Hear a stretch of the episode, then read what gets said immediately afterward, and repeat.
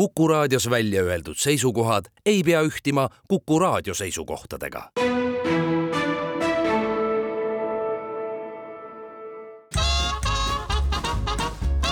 jäljed gloobusel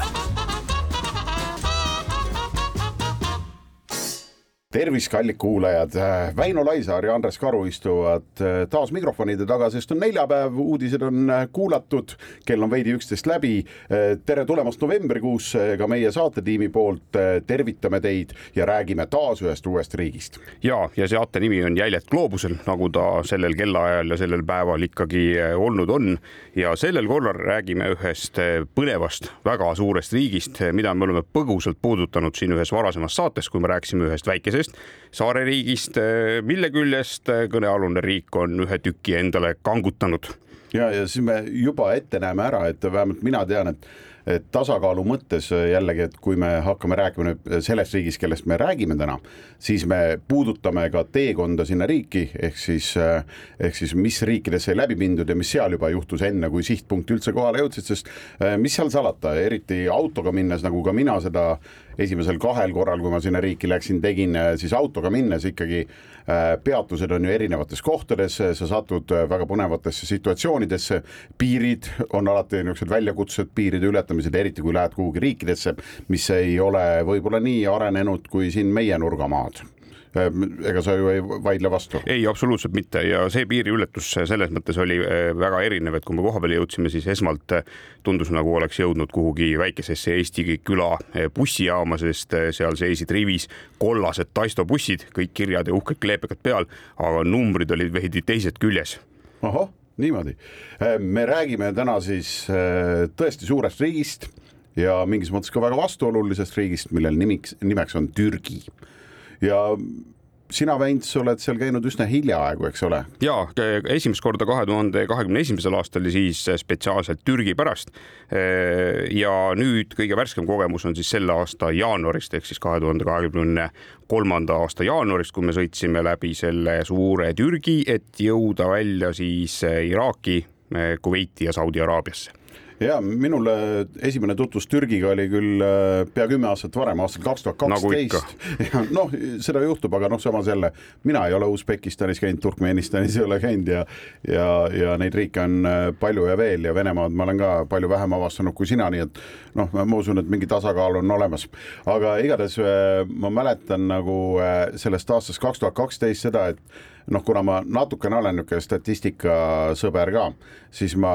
just piilusin nagu ka, et, et Türgi, mis tundub alati nagu üks selline loogiline esimene Aasia riik põhimõtteliselt, kuhu satutakse. et noh, ega neid palju ei olegi, noh, Küpros, mis on küll Euroopa Liidus, aga tegelikult noh, nagu me ka Küprose saates rääkisime, kuulub täielikult ju tegelikult Aasiasse loodusgeograafiliselt, on tihti üks esimestest ja, ja teine ongi Türgi ja siis võib-olla noh, tulevadki need äh, Armeenia ja Georgia ja need on ka kuskil sealsamas lähedal, siis on jupp tühja maad ja siis vaikselt hakkavad tulema niisugused kaugemad kohad nagu Tai ja Vietnam ja kõik sellised. igatahes nojah, ja Dubais käiakse tihti, ehk siis Araabia Ühendemiraatides on ju, et need on võib-olla need äh, esimeseks äh, Aasia avastamiseks sellised kõige levinumad riigid. Ja minul juhtus jällegi niimoodi, et Türgi oli järjekorras kaheteistkümnes Aasia riik ehk siis ma, ma olin umbes ära käinud enne ka Jaapanis ja Lõuna-Koreas ja Kõrgõzstanis ja Omaanis, kui ma lõpuks siis aastal kaks tuhat kaksteist jõudsin ka Türki. no mul on tegelikult olnud umbes samasugune lugu, sest läbi Türgi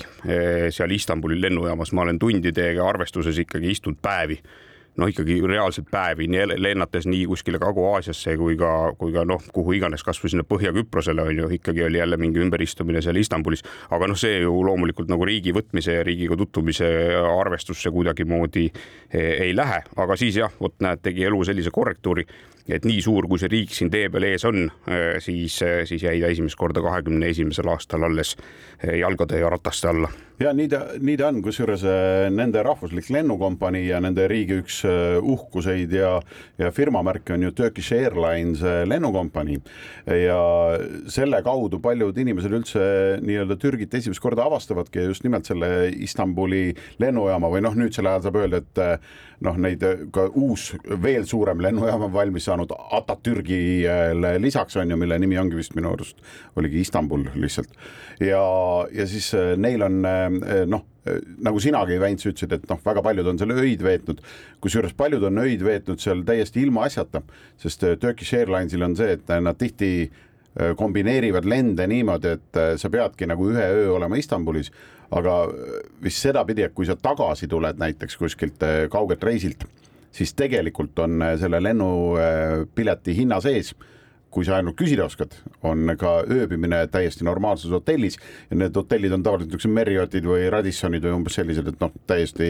rahulikult äh, võid äh, nii laias voodis olla, kuhu tegelikult mahuks kuuene matkagrupp magama, täiesti üksinda, üksinda toas ja igale inimesele antakse oma, oma tuba niisugune veidi raiskamine, aga tõesti, kui oskad minna küsima ja alati küsige, siis äh, seal lennujaamades on eraldi selline koht, kus sa siis lähed, näitad oma piletit, vot tulin, lendan homme Tallinnasse edasi, aga nüüd on ju, et mul mul peaks olema ööbimine, siis nad annavad sulle mingi sedeli, saadavad su transfeeri peale ja siis saad mõnusasti minna hotelli ja sind korjatakse sealt järgmine päev peale ja viiakse lennujaama täpselt selleks ajaks, kui sul vaja on vot selline, selline süsteem on ka Turkish Airlinesiga. aga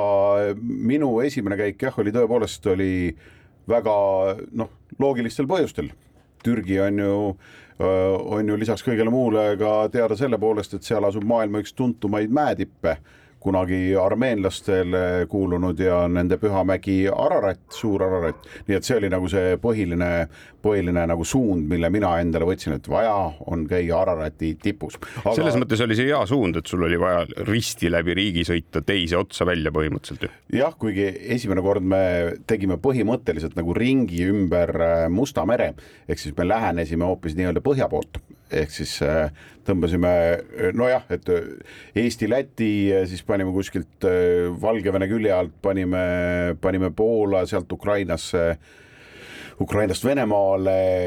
kõik igasugused Dagestanid, Ingušeetiad, Põhja-Osseetiad, Tšetšeeniad, noh, kõik need seal vahepeal, Kabardi-Balkaaria, igalt poolt sõitsime minu mürsuga nii-öelda läbi kunagi džiibiga, mis, see oligi tema esimene kohtumine Ukraina teedega, et nüüd ta Äh, sõidab seal juba teist aastat järjest, ainult Ukraina teedel, mujal ei sõidagi enam. ja, ja siis me jõudsime jah, läbi kuidagi Aserbaidžaani ja Gruusia üldse lõpuks Türki. nii et äh, ületasime piiri ja põhimõtteliselt äh, enne piiriületust juba nägime Ararati enda ees nii-öelda. aga, aga jah, et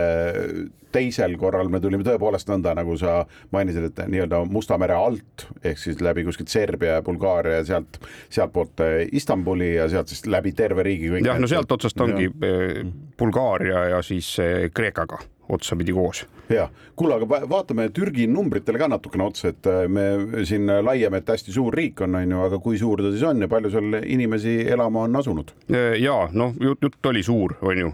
seitsesada kaheksakümmend kolm tuhat ruutkilomeetrit igavene kolakas ja lisaks sellele on ta veel nii suur kolakas, et ta tegelikult ei mahu kogu ulatuses ära ühe kontinendi peale ka või noh, sellest kontinendi peale mahub, aga, aga siis maailma jakku ei mahu, et, et osa tast on Aasias, suurem osa ja, ja siis sealt eh, poole Istanbuli pealt hakkab eh, Euroopa ja, ja see osa on siis Euroopas, nii et kui keegi tahab Euroopat ja, ja Aasiat korraga võtta, siis eh, selleks on maailma loodud mõned väga toredad kohad. üks nendeks on siis seesama Istanbul ja teine on siis, kui ma nüüd ei eksi, siis Jekaterinburg Uuralites, kus on siis Venemaalt ka võimalik eh, teha see ületus Euroopast eh, Aasiasse lihtsalt niimoodi nagu ühe sammu astudes ja sinna on ka jutt maha tõmmatud, et saadki panna ühe jala ühele poole ja teise teisele poole. noh, nii nagu ma olen piltide pealt näinud, saab ka mõne koha peal teha ekvaatori ületuse. või polaarjoonel. absoluutselt, no neid on õnneks mul elu jooksul tulnud ületusi nii, et ma arvan, et ma olen üks neljateistkümnes erinevas kohas polaarjoont ületanud mul ei ole mitte midagi vastu panna. olgu, aga sellegipoolest eh, on sinna sellesse hiigelsuurde riiki sättinud ennast elama siis eh, kaheksakümmend viis koma kaks miljonit inimest, noh, see kõigub siia-sinna ja, ja see võib-olla ei pruugi ka olla kõige kõige täpsem, aga noh, seal ei olegi tegelikult mingit vahet. mulle alati tuleb selle rahvaarvust rääkides meelde, kuidas Ameerikas ikkagi inimesed küsivad, et palju teid eestlasi on ja siis ütled uhkus hinges helisemas, et meid on üks koma kolmkümmend kaheksa miljonit inimest. ja siis ameeriklased vaatavad, kuule, aga mis niimoodi oled sa kunagi kuulnud mõnda ameeriklast ütlemas, et meid on siin kolmsada kaheksakümmend koma midagi, midagi, midagi inimest, et aga noh, selle seletab ära, et meil on, meid on nii vähe, et meil on kõik arvel ja, ja kõik me tunneme üksteist ja, ja selle,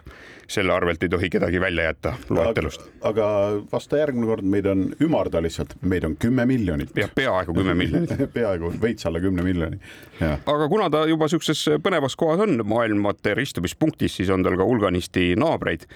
idas siis Gruusia, Armeenia, Aserbaidžaan ja ka Iraani jupp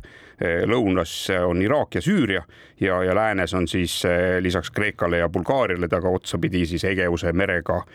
koos, nii et ütleme erinevatesse kohtadesse sellest riigist pääseb igale poole. küll tõsi, praegusel hetkel Süüriasse minu teada ei ole neil ühtegi avatud piiripunkti, nii et sealt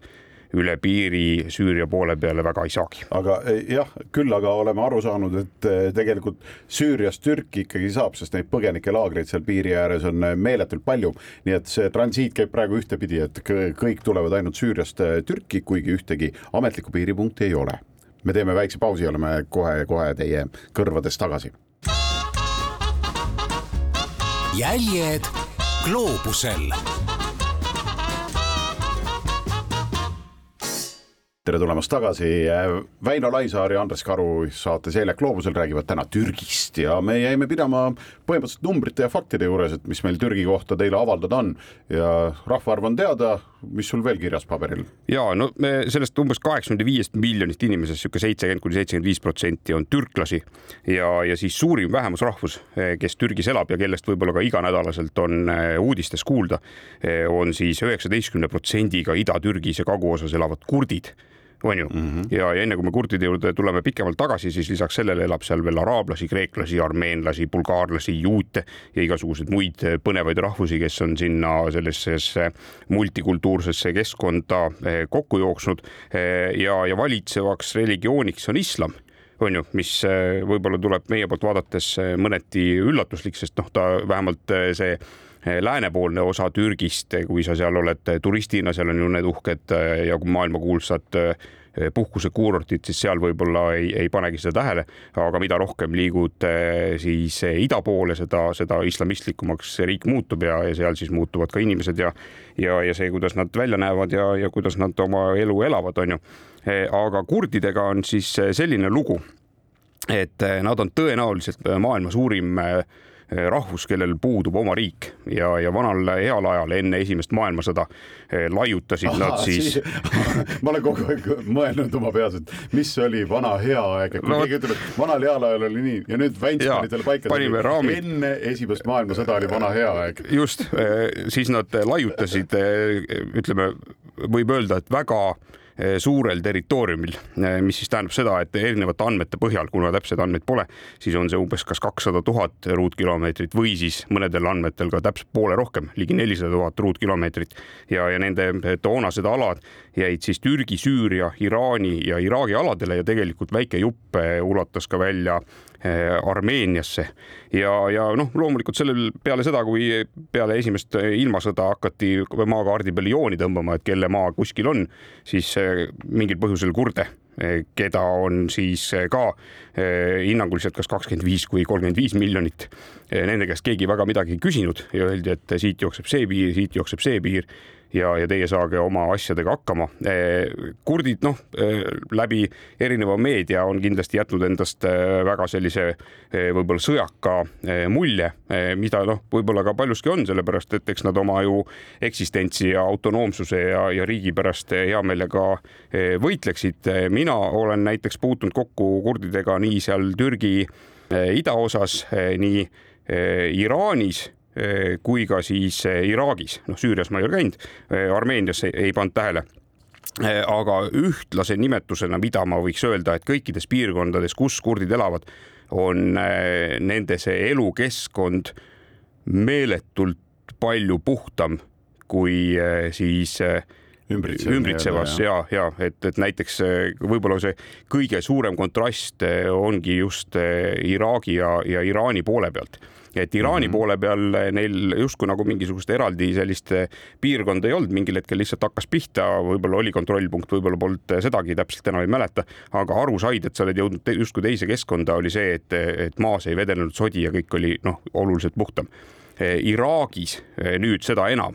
et, et see, mis seal Iraagis tegelikult nagu toimub, on nagu meeletu laga, mis tänavatel, teedel, teede ääres igal pool vedeleb, siis näiteks kurdide poole peal oli justkui mingisugune teine sajand käsil. Noh, mitte selles mõttes teine sajand nagu ajaloolises mõttes, aga, aga nagu level level värskem, sest teed, teed olid korralikumad, majad olid ilusamad, olid uhked klaasist hooned, see nende pealinn seal Iraagi Kurdistani poole peal Erbil oli täiesti nagu kaasaegne linn, kus sähvisid neoontuled, autod sõitsid, inimesed olid rõõmsad ja, ja toredad ja, ja mis on nende ütleme tänaseks välja võidetud pluss on see, et eh, Iraagis neil on ikkagi täiesti oma territoorium, neil on oma viisa, neil on oma piiripunktid sealt, mis muidugi meile kui reisikaaslas või noh, reisijatele osutus väikeseks obstaakliks, sest eh, Türgi ja, ja, ja siis Iraagi või siis Kurdistani piirkonna piiri pealt me saime ainult viisa, mis meil võimaldas sinna Kurdistani pääseda. Ja, ja selle viisaga paraku me sealt Kurdistanist siis enam Iraagi põhiterritooriumi peale edasi ei pääsenud, aga, aga noh, sellest me oleme selles pikas Iraagi saates juba rääkinud risti-rästi. aga need teised riigid, millesse siis kurdid omadega eh, jäid, noh, nendel on seal maid jagada eh, küll ja veel ja, ja küll neid tõrjutakse ja küll neid kägistatakse ja, ja küll nad siis eh, vastavad samaga, kui, kui ikkagi oma mingisugused huvid jälle mängus on. no just, minu andmetel ka, et on niimoodi, et nende sama nelja riigi vahel, mis nimetatud sai Iraan, Iraak, Süüria ja Türgi on, mis Kurdistani nagu nii-öelda mitteametlikud alad on, on ju, et seal elab kolmkümmend miljonit kurdi ja siis umbes miljon et nad, nad on üsna niisugused koduhoidjad nii-öelda selles mõttes. Ja noh, mis sinu juttu ka kinnitab seda, et äh, neile meeldib kodu korras hoida ja neile meeldib tegelikult mõte kodust, neile meeldib mõte ka kodumaast, aga nad ei ole seda saanud, on ju, nimetame Kurdistaniks noh, kas ÜRO nimekirjas seal on, kas neil on oma raha või mingi oma identiteet eh, mingil määral ainult, eks ole. jah, no Iraagi poole peal on. nojah, just mm, -hmm. aga jah, et nad, eh, et ainult miljon, mis, mis ei ole ju tegelikult palju, et kui sul ei ole oma riiki, siis ainult, ainult miljon nende hulgast on siis eh, mujal maailmas laiali, mis on, mis on väga üllatav ja mingis suhtes näitab ka midagi see ja ma, ma mäletan ka seda, et kui meil kaks tuhat kaksteist me noh, kurdide ala on ka see, kus asub Ararat ehk siis äh, me kohalikud teenusepakkujad ja kõik, äh, noh, Ararat on kommertsmägi, seal tuleb võtta kogu äh, täisteenus, kokad, hobused, kes asju kannavad. jah, kõik asjad tuleb võtta, on ju, maksta nende eest raha mõistlik summa, mitte, mitte nagu üle, üle mõistuse asi, kui ma õigesti mäletan, siis äh, kolmepäevane tõus äh, kümme aastat tagasi küll äh, või üksteist aastat tagasi oli vist kolmsada nelikümmend eurot oli näost kolme päeva eest, ehk siis noh, niisugune sada kümme, sada viisteist eurot päev, aga selle sees oli siis noh, giidid ja ja transport nagu mingile kõrgusele, toit, et kolm korda päevas sulle tehti ilusti nagu süüa ja kõik see, et noh, et selles mõttes ta ei olnud nagu hullult kallis mägi, aga oli, et, et see on ka kõik kurdide ala ja kui me, tipust nagu alla tulime, äh, esimene tõus oli ka ebaõnnestunud, siis äh, kui me ootasime oma transporti, siis, äh, siis me olime ka ühtede kurdide sellises hütis nagu, mis, mis meenutas veidikene ka selliseid niisuguseid Kesk-Aasias nagu nähtud neid jurtasid nii-öelda, et natukene selle sarnane, ka tohutult puhas, seest tuli üles kohe külalistele pandi, ma, ei mäleta, mida me sõime, aga noh, kõik need äh, nii-öelda õhukesed leivad äh, kohe hakkasid liikuma, saime ampsata, saime äh, tee pandi kohe käima ja nii edasi, nii et noh, hästi külalislahked ja siis varsti hakkas veel Äh, kohalik äh, kurdi äh, vanem härrasmees hakkas siis ka jorisema lauluviit. me sõnadest aru ei saanud, aga, aga silmades. Saaremaa valsi viisiga oli. jah, et oli, aga silmades peegeldus niisugune väike, vahepeal tuli väike läige, oli natuke sügavam, nii et tõenäoliselt oligi laulude näol tegemist siis lauludega nende vabaduse ihkamisest ja vanadest headest aegadest, mis olid enne esimest maailmasõda, nagu me nüüd teame, eks ole, nii ta oli jah, väga tore, hästi sümpaatse mulje kurdid mulle jätnud. ja, ja selle kurdide teema lõpetuseks igaks juhuks paneks sedavõrra eh, piiri paika, et looks nägemuse sellest, kui palju territooriumit siis mingi riigi territooriumile jääb ja, ja näiteks siis Türgis on kurdide ala umbes sada üheksakümmend tuhat ruutkilomeetrit, Iraanis sada kakskümmend viis tuhat ruutkilomeetrit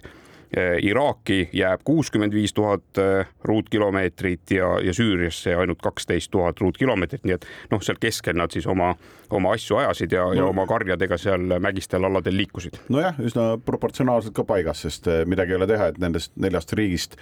Türgi ja Iraan ongi suuremad ja Süüria on päris väike ja Iraak on selline paras, paras riik, nii et noh, selle järgi on numbrid üsna tasakaalus. no nii, mulle, kui, kui nüüd kuskilt nagu hakata pihta nagu selle esimese Türgi reisiga aastal kaks tuhat kaksteist, siis noh, vot see, see ongi see, mille puhul ma peaks ütlema, et teekond Türki oli ka juba väga äge, me, me võtsime jah, minu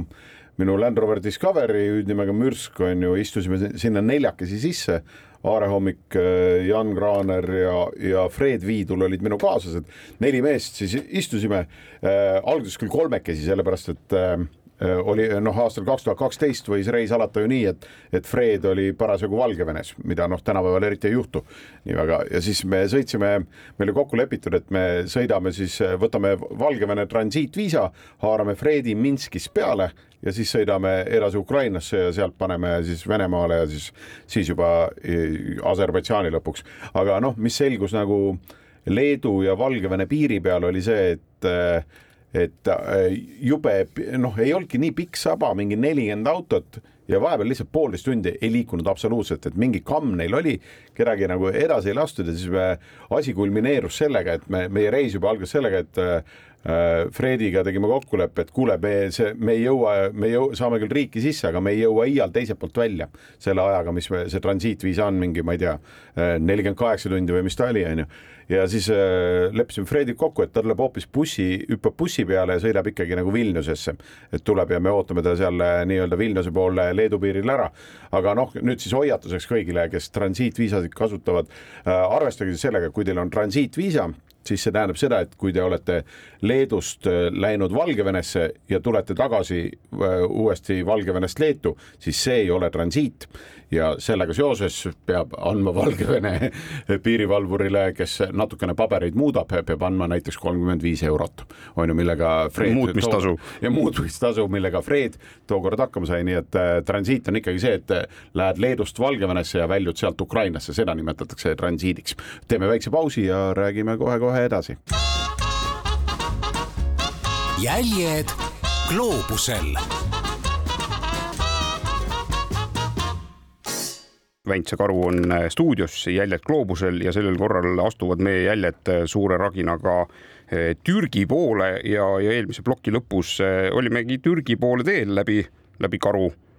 auto ja jälgede ja, ja sõprade teekonna jah, ja, ja, ja õnneks siis äh, meie reis, noh, esimene suurem muutuja oligi see, et äh, Fred pidi Valgevenest sõitma tagasi Leetu, tegema väikse äh, ül ülekande sularahaga, on ju,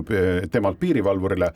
millele vastati naeratusega ja ta sai ilusasti Leetu sisse haarasime ta auto peale, kusjuures me vahepeal veel käisime, et aega parajaks teha, kuni Fred jõuab, siis kuna sealsamas lähedal on ka Leedu kõrgem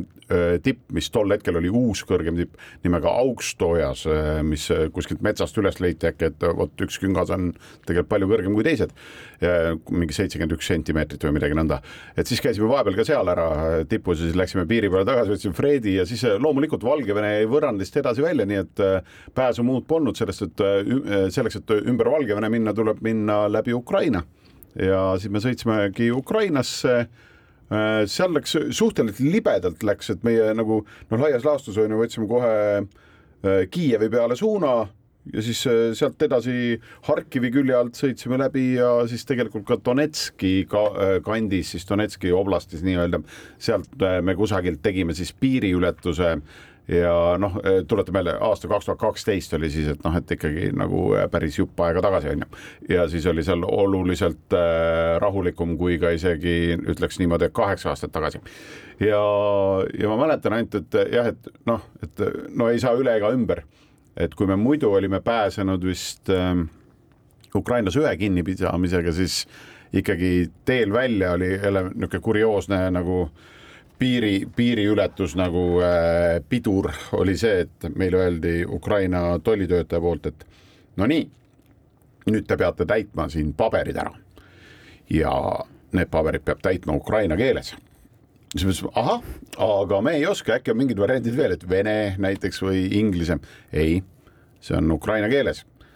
te ei oska, ei oska ja siis õnneks on meil siin üks mees, kes oskab ukraina keelt, oskab ukraina keeles kirjutada ja ta on nõus selle teile ära tegema. kui te annate mingi rahasumma nii, et teil endal häbi ei ole ja siis me leidsime, et noh, niisugune noh, umbes jälle, et äh, viis dollarit näost, äh, et siis, siis meil ei ole häbi. oli häbi piir, vaata kui palju piire me oleme praegu paika pannud selle saatega. just. Ja ka kahekümne USA dollari võrra rikkam siis tollitöötaja täitis meil paberid ära ja, ja saime siis Venemaale ja see, käisime vahepeal ka Elbruse nõlvadel ronimas, Fred lasi sealt ülevalt tipust veel lumelauaga alla, mida varem oli vist ainult äh, üks eestlane kindlasti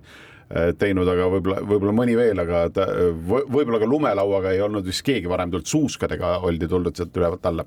ja siis äh, sõitsime kõik need, mis enne juba said nimetatud, et noh, Kabardi-Balkaariast liikusime edasi, siis tõenäoliselt Põhja-Osseetia oli järgmine, siis Ingušeetia, noh, sõitsime ka sealt noh, Põhja-Osseetias näiteks äh, just mingi mõned mõningad aastad varem oli see Beslani äh, tragöödia seal olnud, kus lastega see pantvangidraama oli ja sellest linnast äh, läbi Ingušeetia, Tšetšeenia ja suund oli siis Dagestan. Ja üsna palju noh, et ma mäletan just teekonnast ka neid asju, et sõidad nagu Türgi poole, siis juhuslikult satud nagu mingitesse noh, Groznõi on kuskil Groznõi äärelinnas sõidad ja sa näed, et noh ma ei tea, üheksakümmend protsenti sellest linnast ju Tšetšeenia sõja ajal nagu pommitati täiesti segamini ja siis sa näed seda noh, ka, et mida nüüd oskad nagu isegi paremini mõtestada, seesama, et me pommitasime selle segi, on ju, Vene, Vene suhtumine, aga siis nagu noh, kõik on uued ehitised nagu on peale tehtud, et totaalne rahasüst jälle sinna piirkonda, mis tõenäoliselt juhtuks ka noh, Ukrainaga umbes, et me pärast ehitame üles, siis vaata, kui kihvti asja me teile tegime, et olge nüüd tänulikud, on ju, meie riigile ja meie presidendile, on ju. et noh, sellised on nad olnud juba ammusest ajast ja, ja niimoodi neid jah, et meil sattus neid tee peale päris palju ja loomulikult peatati meid iga natukese aja tagant kinni, iga kontrollpunkt, nii sõjaväeline kui ka nii-öelda miilitsama, kõik äh, üritasid meile rääkida, ma mäletan mäletan, et Jan oli meil niisugune päris hea läbirääkija, et kui nagu peeti kinni ja öeldi, et miks te vales reas sõidate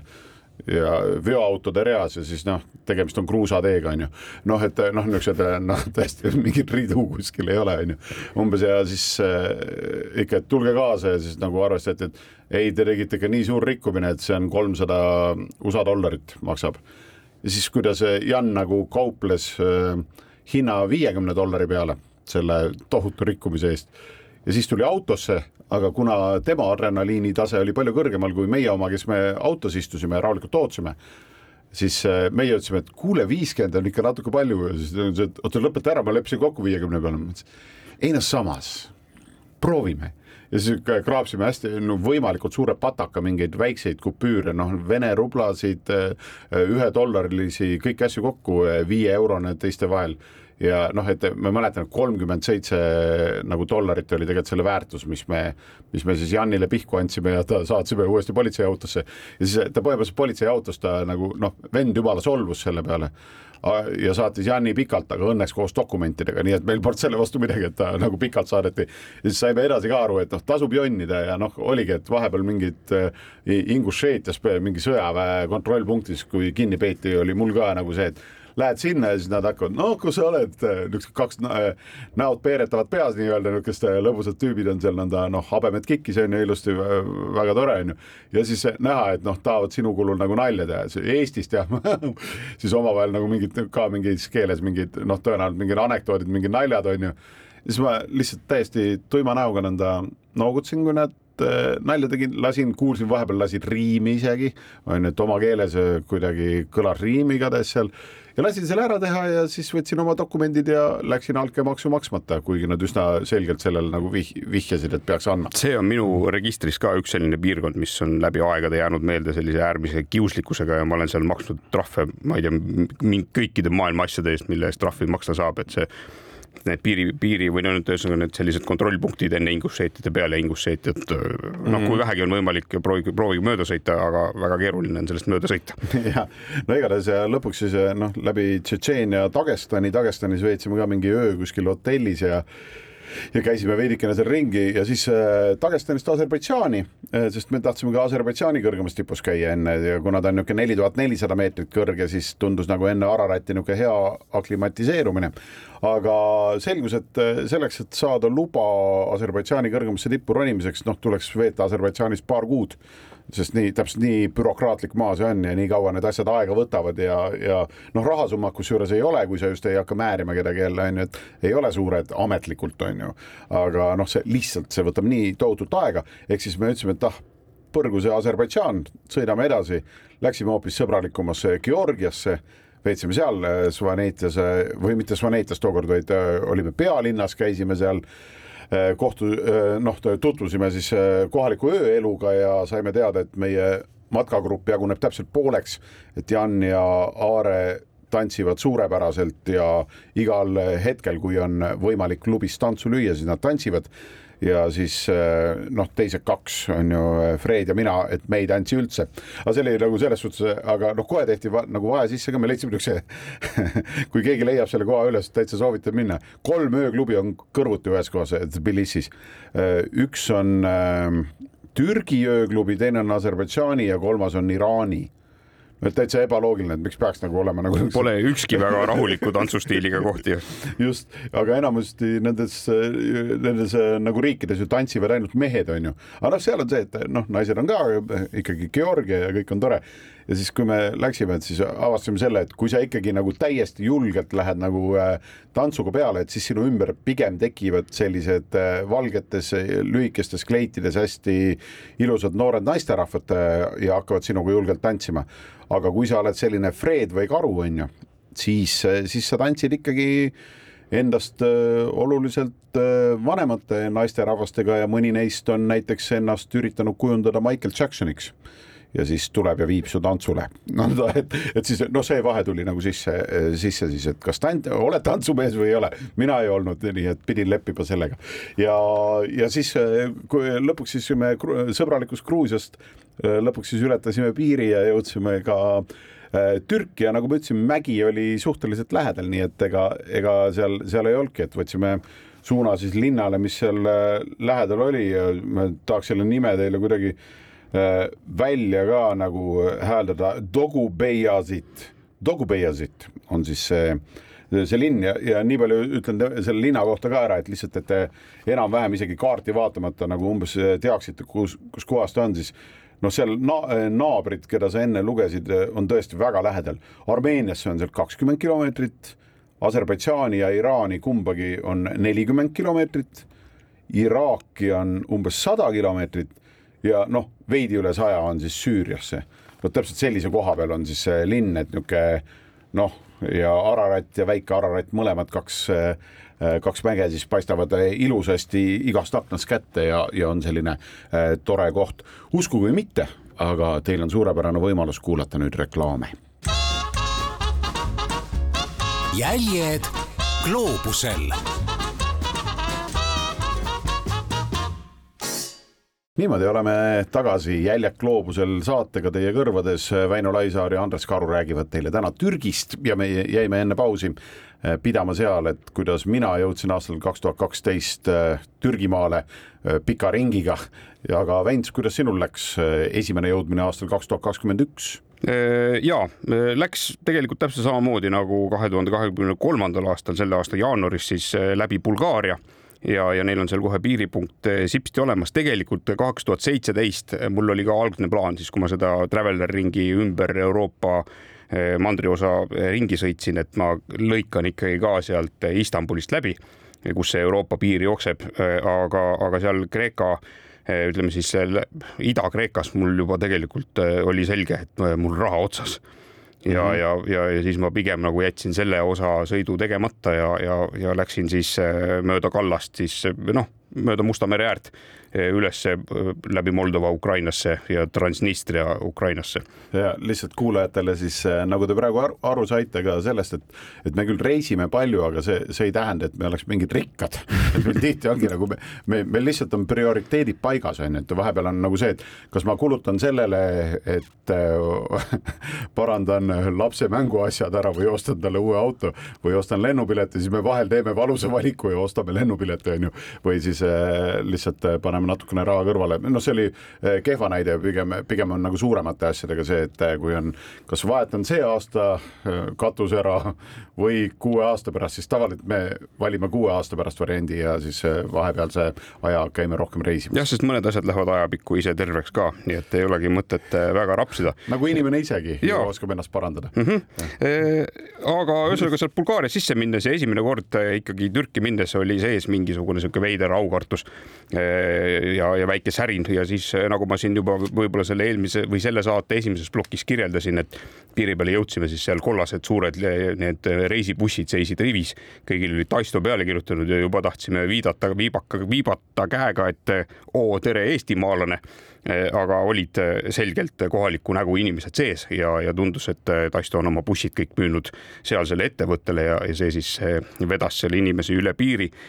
piiriületus läks üllatavalt hästi, no Eesti Vabariigi kodanikul ei olegi vaja muud teha, kui piiri peale sõita, koputada ja öelda tere, mina tulin, mingit viisat, midagi vaja ei ole ja, ja siis sõidad üle piiri ja, ja üllatavalt kiiresti toona kaks tuhat üksteist meil oli lihtsalt vaja näidata neid oma eh, Covidi passe, et me oleme vaktsineeritud kõikide maailma asjade vastu. Ja, ja siis eh, peale, ma arvan, mingisugune võib-olla üks nelikümmend minutit läkski seal piiri peal ja, ja öeldi, et eh, tere tulemast, head teed ja kohe üle piiri jõudsime, käisime siis vahetamas esimeses kohas raha, käisime kohe tankimas seda odavat Eh,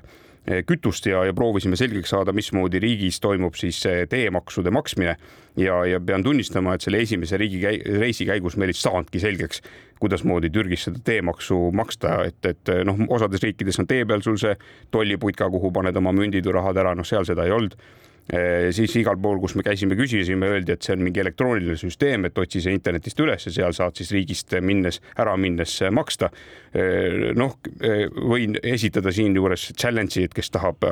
võib hakata proovima guugeldada ja otsida tänapäevani, kus kohas see internetis on see lehekülg, kus kohas neid Türgi rahasid maksta saab. väga keeruline protsess Äh, aga noh, hea uudis on see, et kui sa ikkagi need maksmata jätad ja, ja, ja kunagi tahad autoga riiki tagasi tulla, noh, küll siis ikka see raha ära võetakse, et see ühesõnaga mingid kaamerad pildistavad su auto erinevate teede peal üles ja arvutavad selle kokku ja, ja kui sa leiad selle lehe üles, siis riigist väljudes äh, saad siis äh, nii-öelda teha selle ülekande Aha. seal lehe peal ja, ja, ja ongi kogu lugu, onju. ja kui ei tee, siis oled võlgu senikaua, kuni uuesti tuled ja, ja siis võetakse ära. noh, alati on mõistlik mitte, mitte olla võlgu Äh, ja, ja nüüd teisel korral minnes oli siis see lugu, et, et siis äh, anti meile kaasa paber, kuhu oli peale kirjutatud, äh, mis tee kui palju maksab. noh, mitte nagu hinnalises mõttes, aga seal oli see, et teetähis tasuta, teetähis natuke maksab, teetähis vähem maksab või natuke rohkem maksab ja siis ja see teetähis, mis kiirtee, see kallis mm -hmm. on ju, noh, aga, aga kuskil midagi rohkem ei ole, sihuke tavaline paber anti kaasa ja, ja lõpus jälle pidime ise välja mõtlema, kuhu selle äh, ära saab tasuda, aga õnneks läks enamus autodega meil hästi, üks jäi muidugi sinna Türki ootama ka järgmist reisi, ei hakanudki koju tagasi tulema. aga mitte sellest ei tahtnud ma rääkida, ma tahtsin tegelikult rääkida sellest, et äh, noh, esimese hooga on ju kõigepealt ikkagi sõidetakse Istanbuli ja siis võib-olla paljud inimesed arvavad, et see hiigelsuur äh, linn, kus sihuke viisteist koma neli miljonit inimest elab, ongi Türgi pealinn, aga tegelikult võta näpust, eh, Türgi pealinn on ikkagi Ankara ja, ja seal elab viis koma kuus miljonit inimest. ja, ja selle äh, Ankaraga on selline lugu, et ta sai Türgi pealinnaks siis iseseisvumise käigus tuhande üheksasaja kahekümne kolmandal aastal ja tuhande üheksasaja kahekümne seitsmendal aastal elas Ankaras seitsekümmend viis tuhat inimest ning see noh, see hakati seda pealinna arendama seal selle mõttega, et, et sinna siis kolib Äh, aegade jooksul umbes pool miljonit inimest, et see on niisugune täitsa nagu normaalne kogus inimesi, kes võiks siis Ankaras seal toredas linnas elada. paraku noh, nipet-näpet läks näpu vahelt ära ja, ja täna seal äh, elab ikkagi kui ma nüüd ei eksi, siis viis koma kuus miljonit inimest ja, ja mis on see noh, erakordselt äh, tore linn, kus kohas päevi veeta, et, et kui see Istanbul ise on selline hiigelsuur ja, ja need lennujaamad on erinevates kohtades on ju, et, et noh, sul on igale poole pikk maa sõita ja osa on veel Euroopa poole peal ja hiigelsuur, tore valgustatud sild läheb sealt nii-öelda Euroopast Aasiasse. Ja, ja teha on seal muidugi musttuhat asja, siis Ankara minu meelest on nagu palju ägedam linn, ta on nagu rohkem selline Türgim linn, kuna ta juba on osaliselt seal keset, keset seda riiki. Ja, ja siis, kui me nüüd kahe tuhande või selle aasta jaanuaris äh, väisasime siis või õigemini läbisime Türki selle mõttega, et jõuda siis välja Iraaki, siis me aastavahetuseks sättisime ennast mitte Istanbuli, vaid meelega hoopis Ankarasse et, et noh, on toredam, ägedam ja, ja niisugune veidi ehedam ja, ja seal ma siis sain kätte ka eh, oma elu esimese eh, selle hammami eh, kogemuse, et mõtlesime, et vanade, vanade aasta pattudega ikkagi uude aastasse ei minda ja, ja, ja Iraaki ei minda. et siis andsin reisikaaslastele sõna, et ma siis tulen ka nendega sinna hammam, hammammi Eh, mis oli minu jaoks täiesti uus kogemus. Eh, pean tunnistama, täiesti ka eh, unustamatu kogemus. ei olnud sugugi varem teadlik, et minu keha on võimalik väänata